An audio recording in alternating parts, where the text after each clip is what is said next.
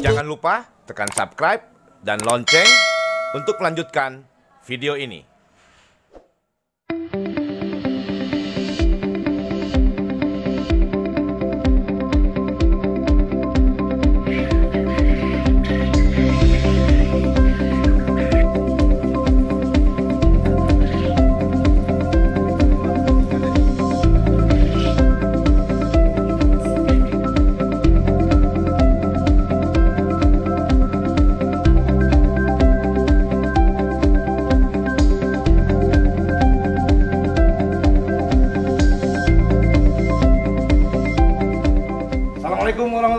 Dayat.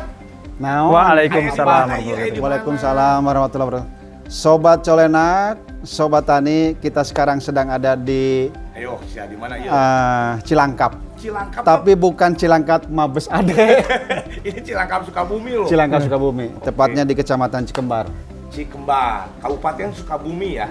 Kabupaten Sukabumi. Ini kita sekarang Ada di mana nih? eh, sedang apa namanya bersilaturahmi dengan orang yang luar biasa, seseorang yang luar biasa, peternak yang luar biasa. Nah, kita guar nanti. Gua teh naon. Ah, guar teh ah, dikubek-kubek. Kenalin dong ke Sobat Colena. Silakan. Bapak. Siap, Sobat Mitra Tani Colenak. Ya. Yes. Keren, keren, keren, keren. Sampurasun, selamat siang, semangat pagi tentunya. Saya Selamat Wuryadi, pria kelahiran Jepara, Jawa Tengah yang hijrah di Sukabumi di Sunda tercinta. Wih, Tapi tidak masuk dalam Sunda Empire. Oh tidak. Puyuh Empire ini. Oh, Puyuh. Empire. Yes. lihat Heeh. kalau saya baca artikelnya Pak Slamet ini. Ah. Wih, saya tahu dia itu di sini beternak. Oh, gitu. Hebat nggak? Ternak apa yo? Puyuh. Puyuh. Iya. Pak Slamet cerita dong. Pak Slamet kenapa jadi peternak puyuh? Ya, pertama Pak Denny dan Pak Saya Dayat. manggilnya- dipanggilnya Kang Dani sama Kang Dayat. Dani, baik Kang Dani dan Kang Dayat bahwa puyuh ini adalah endemik asli milik Indonesia. Setuju. Jadi kalau bicara NKRI merah putih banget ya inilah plasma nutfah kita yang harus kita lestarikan bersama. Plasma nutfah loh. Ya di antara unggas yang lain barangkali kalau kita boleh tengok ke belakang sebentar unggas broiler maupun layer itu adalah unggas yang saat hari ini masih diimpor dari empat negara Amerika, Prancis, Kanada dan Brazil. Parent stocknya tentunya. Nah Ya, ini adalah kekayaan bangsa kita yang kalau kita Kang Dayat, Kang Dani main ke Lewung, Ya. ke hutan-hutan, ke sawah-sawah? Hutan, hutan, hutan, hutan. Alas. ke semak-semak belukar, Jawa mah alas. Nah, alas. Ya, Itu gimana? selalu menemui eh, hewan yang sangat adaptif terhadap lingkungan. Ya. Dia dipelihara di ujung gunung yang dingin maupun di pinggir pantai yang panas, no problem. Inilah salah satu yang hari ini saya ingin sampaikan ke Kang Dani bahwa ke Kang Dayat juga bahwa ini adalah yang harus sama-sama kita lestarikan bersama tentunya. Saya cut dulu sebentar. Ya. Saya ingin menegaskan ke Sobat Colenak, Sobat Tani ini. Ternak puyuh ini bisa hidup mulai dataran rendah sampai dataran tinggi. Betul betul tadi ya? Betul. Dan ini kekayaan asli Indonesia. Sumber daya genetik Indonesia. Betul. Apa istilahnya? Sumber daya genetik. Plasma SDG, plasma ya. nutfah. Silakan, Pak. Betul. Nah, kebetulan Kang Dani dan Kang Dayat hari ini eh, populasi di Indonesia masih sangat minim. Kalau kita lihat penduduk kita 273 juta jiwa, Ya. hari ini boleh saya sampaikan karena saya adalah Ketua Umum Asosiasi Peternak Puyuh Indonesia yang diamanahi oleh Kementerian Pertanian Mei 2010. Mei 2010. Nah, Jumlah waktu ya? itu populasinya masih 4 juta ekoran lah. Itu. Ya, dan sekarang secara angka by name by address sudah sampai 15,8 juta ekor dan tersebar di seluruh Sumatera maupun hingga Sorong Papua sana. Yang bisa dicatat dalam Ya. jangka waktu Ya, satu 10 tahun lah ya. 10 tahun. Ya, Kenaikan populasinya 200 persen. Kurang lebih. Iya, 11 juta Dari 4 4 juta ke 11 juta, Kenaikannya kan? 11 juta akhirnya. ke 15 juta, ke 15 Tuh, juta. 15 ya. juta, Iya. 300 persen kan luar biasa prestasinya. Dan Iya. ingat sobat Colena, sobat Puyuh, terutama teman-teman calon eh, petani yang mau bergerak di usaha puyuh, ini sekarang sudah ada asosiasinya, ada perkumpulannya, Komunitasnya. komunitasnya. Ya, kebetulan beliau adalah Ketuanya. ketumnya. Wis. ketua umum. Bukan atuh. Oh iya. Iya. Nah nanti kalau kalau uh, peternak puyuh yang sekarang belum tergabung maupun calon uh, peternak puyuh, nanti semua informasi tentang puyuh bisa menghubungi beliau. Oke, sip. Oke. Ya. Eh, Kang Slamet atau Mas Slamet ya? Kang sajalah. Kang Slamet ya, Iya. sama. Iya. Oh, benar, benar. Kang Setuju saya. Kan sudah lama hijrah di Jawa Baratnya Oh iya, dari belakang. tahun 92. Eh, Tadi kan Akang bilang populasi sudah 15 juta nih ekor. Yes. Ya. Nah, kan tadi kan puyuh itu sebagai sumber daya genetik atau plasma nutfah. Kalau kita main ke hutan katanya main, itu pasti ada. Ada. Tapi yang yang sekarang ini yang Kang eh, Selamat geluti ini itu puyuh yang seperti apa dan kemudian kenapa ada asosiasinya dan emang menghasilkan cuan yang banyak itu. Nah, itu yang heula, dulu. Cuan teh naon? Eh, cuan teh Fulus. tulus. Coba. Kalau Kang Selamat eh, nggak dapat ini mah, Ya. nggak akan terus beternak ini Kang Dayat. Setuju. Saya teh pengen tahu itu dan pasti nih yang tadi yang petani Hah? peternak yang baru memulai, Iya. oh ternyata puyuh teh asli Indonesia nih. Nah, ini ini ternyata puyuh itu sama dengan duit. Hmm, ini ayo Kang cerita Silakan, tuh. Kang. Oke, jadi kalau kita lihat dengan populasi 15,8 juta ekor dibandingkan jumlah penduduk Ya. itu baru 5, sekian persen.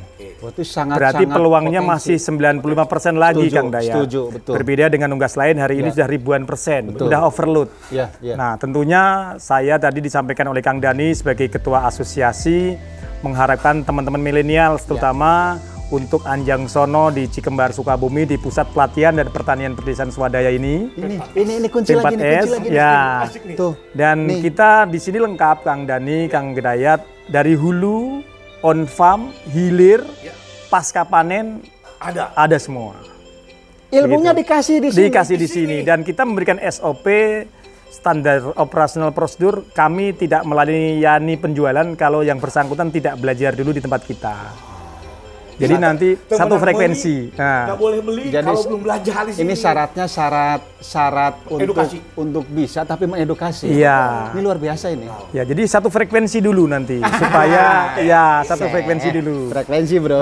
Satu Iya. frekuensi. Nah, gimana Lanjut. Kang? Gimana Kang ini? Kenapa tadi saya bilang kenapa Akang pilih puyuh dan ternyata populasi tadi kan terus 5% berarti 90% ada peluang. Eh, Ya. bentar dulu sebentar. Saya men- menekankan ini. Sobat Colenak tadi di sini bisa untuk belajar. Iya, Iya kan, Dek? tadi ya. Betul. Silakan untuk belajar. Bisa datang ke sini dan hubungi Kang Selamat. Oh, pasti itu. Oke. Ya, jadi kalau hari ini ada populasi sebanyak 15,8 juta ekor tadi dipegang oleh sekitar 1.300 UKM peternak puyuh se-Indonesia. Berapa? 13.000. Di 1.300. 1.300. Rata-rata mereka memiliki kepemilikan antara 2.000 hingga 5.000 ekor lah. Dapat dikatakan petani gurem atau peternak gurem barangkali Kang Dani. Istilahnya kalau di dunia peternakan Iya. peternakan rakyat. Rakyat masih karena konglomerasi belum masuk. Ya semoga ini masih kita jaga bersama supaya para petani peternak puyuh memiliki gaji harian. Tapi contoh konglomerasinya kan sudah ada. Heeh. Ini. Ah, ya mungkin lebih tepat eh, konglomerasi ini adalah korporasi petani-petani begitu. se-Indonesia karena kita hari ini bisa mengajak teman-teman pelaku usaha supaya kenapa secara SOP nanti sama Kang Dani secara manajerial manajemennya Iya. kemudian secara pasar yang hari ini kalau kita lihat kelemahan dalam bidang agribisnis kita ini adalah masih kadang-kadang dihadapkan pada fenomena marketnya sangat tidak terarah. Nah, untuk itu saya menjadi jembatan sebagai off takernya para teman-teman se-Indonesia. Coba Begitu. ngasih ilmu, Iya ngasih pendidikan ya ngasih, ngasih jalan. ngasih jalan. Tapi orang yang memang sering ngasih jalan pasti diberi jalan sih. Iya. Betul. Dan Itu kelebihannya. rezekinya juga melimpah. Jadi Luar kalau biasa. misalnya mau belajar gini bisa langsung datang. Kang, tadi pertanyaan saya masih belum terjawab nih. Akang kenapa? Bill? Jadi kan itu cuannya seperti apa dan kemudian bagaimana supaya kita menjadi peternak yang bagus? Ya, jadi Kang Dani dan Kang Dayat harus cermati Ya. Kalau kita bicara dan menanyakan kepada teman-teman kita, terutama di penyuluh-penyuluh daerah kecamatan, coba tanyakan di mana ada populasi puyuh di tempat sekitar kita. Ya. Tentunya mereka masih jawab tidak ada, langka. Betul. Tapi kalau kita nanya unggas yang namanya broiler atau ayam layer, kayaknya di sekitar kecamatan ada. Nah, kalau kita kaitkan dengan suplai demand Kang Dani, Kang Dayat, bayangkan untuk memenuhi tiga provinsi di Indonesia, untuk Jawa Barat, Banten, dan DKI saja, saya harus menyiapkan 16,5 juta butir per minggu. Itu baru bisa saya penuhi 3,5 juta. Jadi eh, kami masih eh, ingin mengharapkan tumbuh para selamat-selamat yang lain, milenial yang lain, supaya ada populasi 13 juta butir per minggunya.